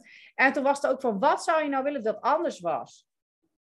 En toen kwam echt binnen dat ik niet de hele dag meer met, ik wil nu eten, maar ik mag nog niet eten bezig. Want Ja. al was ik slank, ik was daar nog altijd mee bezig. Ik had nog steeds Ja. een verslavingspatroon. Maar ik was al meer dan tien jaar, had ik, was ik niet meer dik. Ja. Toen dacht ik, dit moet anders. Toen ben ik naar een acupuncturist gegaan. Hmm. En die heeft patronen tegen verslaving gezet. En die heeft die reboot gedaan. Wauw. Alleen als ik echt heel slecht... Als ik denk dat ik het heb, dan komt dat patroon soms terug. Maar dat komt dat je denkt dat je het hebt. En dan zeg je, fuck it, ik heb het helemaal niet meer. En dan gaat het weg. Ja. Wauw, Dus dat interessant. kan wel. Dus het Ja. is niet per se waar. Hè? Alcohol is weer iets heel anders. Maar kijk, eten is gewoon eten. Ja. En alcohol is natuurlijk eigenlijk gewoon drugs. Dus dat is ook weer iets anders. Maar dan alsnog... ja. Ik weet Mooi. niet of dat zo is. Ik denk dat het je wordt aangepraat. Jij moet daar maar mee leven. Hmm, ja, ja, ja. En het wordt je ook aangepraat. Ja, dat moet eigenlijk vanzelf gaan. Ja, sorry, zo werkt het niet. Daarom zijn we allemaal dik, blut. eh, bijna allemaal, hè? Uitzonderingen daar. De mensen die het werk doen om zichzelf Ja. goed te programmeren. Of die Ja. echt een fantastische programmatie van zichzelf hebben en weinig zit. Maar die hebben het vaak geleerd omdat het in hun familie gewoon heel goed zit op een bepaald gebied. Ja. Dat is mooi. Ja. Maar je moet Ja, het gewoon mooi. doen, je moet werk doen. Ja. Dus eh, ja, ik ben het wel mee eens. Dus eh, ik denk dat we het zomaar eens moeten afronden. Want volgens mij hebben we bijna voor twee podcast info gedaan. Oh. Ik, dit is, gaat een van de langere podcasts worden. Maar ik, ik ging helemaal aan op wat jij zei. Dus eh, ik, ben, ik, ik denk toch Kijk dat het wel heel goed is. Ja, Nice. meestal ben ik wel binnen het uur klaar. Maar volgens mij zijn we al meer dan een uur bezig. Ik Je heb net geen al idee. iets gezegd. Ja. superwijs. nice. En eh, wat wil jij nog eh, even zeggen? Sowieso mag je even nog vertellen over wanneer jouw cursus weer start en hoe mensen jou kunnen volgen. En dan mag je nog een laatste golden nugget meegeven voordat we gaan eh Oh, dat is echt zo'n pressure ding. hè? Ik denk, oh, nu moet ik dus Golden nugget. Je moet zeggen. nu iets interessants shit. zeggen. Je mag ook gaan zeggen, ik, ik, dit is het. Mag hoor. Eh, even, ik kom straks bij de nugget. Ik ga Ja, die eerst komt even. ja, ja, precies. Je kan mij vinden op Instagram. Dat is Anna Doesburg. Ehm, daar kun je me volgen. Ik heb het niet alleen over geld, maar ik heb het ook, wat je al zei, over plantjes. En over de liefde en over koffie zetten en gewoon Belly over mijn dance. leven. Belly dance, ja, gewoon allemaal leuke dingetjes wat ik aan het doen ben. Soms ook niet de alleen maar de leuke dingen, gewoon echt eh, mijn leven eigenlijk. Ehm, en de online cursus die heb ik nu, die ben ik nu aan het draaien. Mhm. En ehm, ja, er komt ook weer een tweede ronde van. Ik heb er alleen nog niet echt een datum van. Dus ik kan Dus hem moeten je gewoon volgen, gooien. Ja, klopt. Ja, ik ga gewoon verder alles op eh, Instagram zetten als er nieuwe dingen zijn. En ik kan sowieso ook mijn geldgids downloaden. Ik heb een gratis geldgids Oh, gemaakt. leuk, ja. Ja. Dus Ah, dat, je al eh, wat meer bewustzijn krijgt rondom geld eigenlijk. Dus als je nu op dit moment helemaal geen idee hebt wat je aan het doen bent. Als je die geldgids downloadt, dan krijg je gewoon langzaamaan een beetje een beeld bij ja, wat, je, wat je kan veranderen. En hoe je op een andere manier naar geld kan gaan kijken. Oh, dus dat is zeker een Ja. goede... En dat is via het linkje in jouw. Instagram dat je bij die geldgids komt? Ja, klopt. Oké, ja. ik zet jouw Instagram gewoon eh, onder de podcast. Ja, dan kan klopt. iedereen jou daar volgen. Ja, en er zit zo'n linkje en dan kun je allemaal bekijken ook eh, wat, ik, eh, wat ik nog meer daar heb staan. Nu de nugget, hè? Als je wil, hè? Hoeft niet. Maar ik heb het gevoel dat er nog, nog iets... Er zit nog ja, ergens ja, er iets. zit nog iets, ja. En dat gaat echt even over geld en over de praktische kant van geld. Daar hebben we het niet echt over gehad, nog over money management en zo. Maar eh, de, ik, ik voel heel erg dat heel veel mensen een soort van angst hebben rondom budgetten maken. Of het woord budget alleen al, zeg maar, gaan al de haren overeind staan. Ehm, en dat wil ik eventjes nog een beetje kort toelichten, omdat ik daar wel een leuke analyse over heb. Ja? Eh, vaak zijn het namelijk ook de vrouwen die zeggen: Oh, ik ga lekker met de flow mee en ik laat het allemaal lekker gaan. En het ontstaat wel. En dat is natuurlijk heel fijn, want dat is onze energie waarin wij het beste functioneren. Maar daarin is het ook heel belangrijk dat we kaders aanbrengen en die energie kunnen begeleiden. En zo zie ik dus ook heel geld en een budget wat je kan maken. Geld is eigenlijk de energie. En geld wil altijd weten waar het heen moet. Geld houdt van duidelijkheid en direction. En als jij niet die kaders hebt rondom je geld, dan fladdert het alle kanten op en dan vliegt het overal heen. Maar op het moment dat je daar bewust naar gaat kijken en die kaders gaat aanbrengen, kun je liefdevol je geld begeleiden naar waar het naartoe moet. Dus op, met bewustzijn en intentie je geld ja, eh, leiden eigenlijk en eh, con- controle aanbrengen. En dat is denk ik waar we, ja, het onderdeel wat eh, wel echt besproken mag worden ook.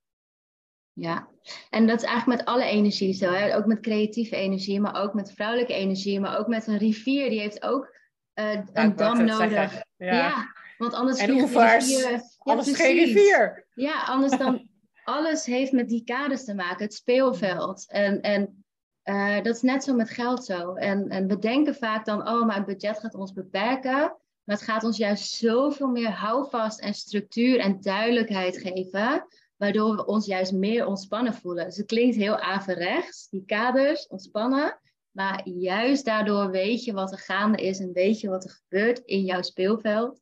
Want jij mag wel de regels bepalen. Je hoeft niet allemaal opeens dingen te laten en dingen die je niet meer mag doen. Jij bepaalt de regels. En daardoor creëer je juist rust en ontspannenheid. En ga je het ook echt leuk vinden. Dat was mijn nugget.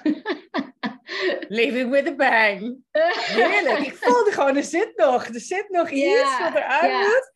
Maar Ja. het was echt, ik zat echt met kippenvel te luisteren. En ik dacht van ja, Ja, we zijn zo bang voor die Ja. kaders. Hè? Omdat we denken, oh, dan kunnen we niks meer. Maar nee, het- je, je mag ze zelf niet waar. zetten. Ja, Ja. Je, je moet ze eigenlijk zetten. Want anders dan vliegen we alle kanten op. ja. Zo- zo ik ben ook daarmee bezig nu om dat eh, weer opnieuw te doen. Nu ik een beetje mijn eh, leven bij elkaar heb en niet overal nergens ben. En het bedrijf allemaal en ben geëmigreerd en Ja. samenwonen. En dan, dan kijk je ineens weer van wow. Dus ik was helemaal blij dat mijn vriend zei, vanavond begin ik ook in dat boek. Want ik had hem de Ah. rijkste man van Babylon meegegeven Oh ja, dat is ook goeie. Ja. Ja, nou oké, die zet ik er ook bij. Dan hebben we er toch vijf. Eh, vond hij heel mooi. ja. En toen eh, zei hij, oh, ik ben eigenlijk... En toen vertelde ik hem wat ik had geleerd in de week dat hij weg was. En dat ik met Theo Harv Eker weer was begonnen. Na vorig jaar hem even te hebben gepauzeerd. Maar ik zei altijd, ik ga weer verder. Ja. Ja, soms moeten we hem even loslaten. Ik kon, ik kon niet meer. eh, Het was toen even choking. Ja. En nu voelde ik, oké, let's go. Ik ben weer klaar. Ik kan weer verder. Ik kon toen niet die volgende opdracht doen, omdat ik er te ver van af was. Ja, klopt ook. En dat is ook met sommige dingen zo. Dan, ja, je voelt gewoon van, hier kom ik nou even niet doorheen. Je voelt heel, heel goed het verschil tussen je hoofdweerstand. Hè, en dat je, je Ja. denkt van, nee, dit wil ik niet doen. Of echt gewoon die fysieke weerstand van, nee, dit, dit resoneert nu niet met mij. En dan kun je het gewoon wegleggen. ja. Je weet Als of ik- je het jezelf nu aanpraat. Ja, want dan ga je jezelf met een mind dwingen, maar je hele lijf verzet zich. Of je, Ja. of je verzandt gewoon in, in, in echt, dat je echt in paniek raakt of zo bijna. Dan weet je gewoon dit is mijn mind die iets doorduwt. Even wachten. Dit gaat te snel, hè? Soms moeten we ook vertragen. ja zeker. Wij willen snel, vaak, vaak te snel. Ja. Bam, bam, bam. Ja, en nog een nugget. Oké, Ja. ehm, nou, laten, we, laten we maar stoppen, want anders wordt het gewoon te veel. Ja, we kunnen altijd nog eens een podcast maken volgend jaar of zo. Ja, Of was ja, leuk. Zelf, ja, was echt heel leuk. Dus eh, dankjewel. Ik ga de opname stoppen. Ja. Dus dankjewel, Anna. ja, jij ook bedankt.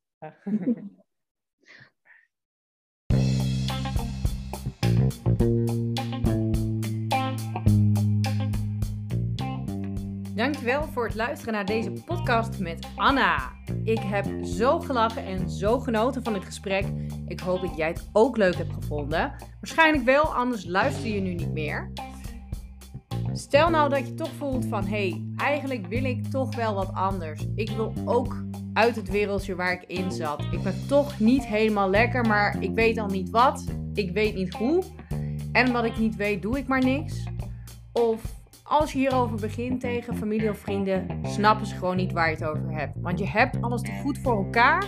Je zou toch gelukkig moeten zijn, maar jij weet dat het ergens niet zo is.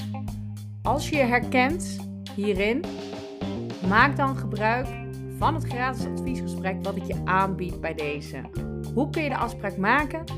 Ga even naar de beschrijving van deze podcast. Daar staat een directe link naar het gratis adviesgesprek.